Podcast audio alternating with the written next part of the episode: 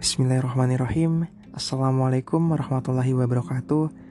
Alhamdulillah Pertama-tama marilah kita panjatkan rasa puji dan syukur kita Atas kehadirat Allah subhanahu wa ta'ala Yang karena rahmat serta hidayahnya Kita masih diberi kesempatan Untuk terus belajar mengenai agama Islam Kedua kalinya salawat serta salam semoga tetap tercurah limpahkan kepada Nabi Muhammad SAW yang telah membawa kita dari zaman kegelapan menuju zaman yang terang benderang yakni agama Islam. Alhamdulillah di podcast episode 39 ini kita akan berkisah dengan kisah yang berjudul Serakah Terhadap Dunia. Jarir bercerita kepada kami dari Lights. Dia berkata, Dulu ada seorang laki-laki pergi menemani Nabi Isa bin Maryam. Setelah beberapa lama berjalan, akhirnya mereka berdua sampai di tepi sebuah sungai. Kemudian, mereka berdua berhenti untuk istirahat dan makan siang. Waktu itu, mereka berdua membawa tiga potong roti. Lalu, mereka berdua memakan dua potong roti dan menyisakan satu potong roti. Selesai makan, Isa beranjak ke sungai untuk minum. Ketika kembali, dia tidak mendapati lagi sepotong roti yang masih tersisa tadi. Isa bertanya, "Siapa yang mengambil rotinya?" Laki-laki yang menemani Isa itu menjawab, "Saya tidak tahu." Selanjutnya, mereka berdua melanjutkan perjalanan. Di tengah perjalanan, Isa melihat seekor kijang betina bersama dua anaknya. Lalu Isa memanggil salah satu anak kijang tersebut. Anak kijang itu pun berjalan mendekat. Lalu Isa menyembelihnya dan memanggang sebagian dagingnya. Kemudian mereka berdua menyantapnya. Setelah itu, lantas Isa berkata kepada anak kijang yang telah disembelih tersebut, "Berdirilah dengan izin Allah." Tiba-tiba, anak kijang tersebut kembali hidup dan berdiri lalu pergi. Saya tanya kepadamu, demi dia yang telah memperlihatkan ayat ini kepadamu, siapakah yang telah mengambil roti tersebut? Kata Isa kepada orang tersebut, saya tidak tahu. Jawabnya tetap tidak mau mengaku. Lalu mereka berdua kembali melanjutkan perjalanan hingga sampai di sebuah tempat berair. Lantas, Isa menggandeng tangan orang tersebut dan membawanya berjalan di atas air tanpa tenggelam. Saya bertanya lagi kepadamu, demi Dia yang telah memperlihatkan tanda kekuasaannya ini kepadamu, siapakah yang telah mengambil roti tersebut? Kata Isa kepada orang itu setelah menyeberangi air tersebut. Saya tidak tahu. Jawabnya tetap tidak mau mengaku.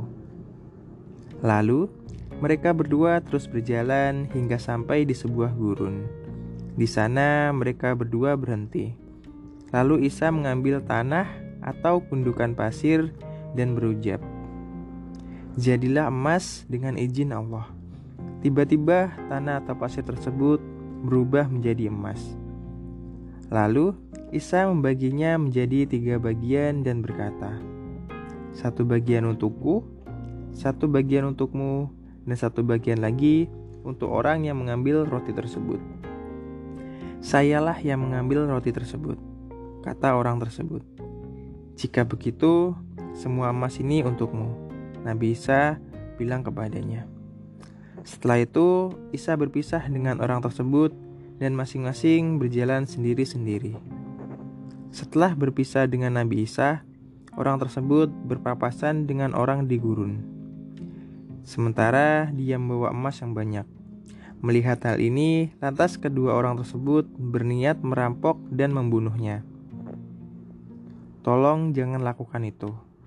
Saya rela berbagi emas ini dengan kalian berdua dengan cara kita bagi tiga.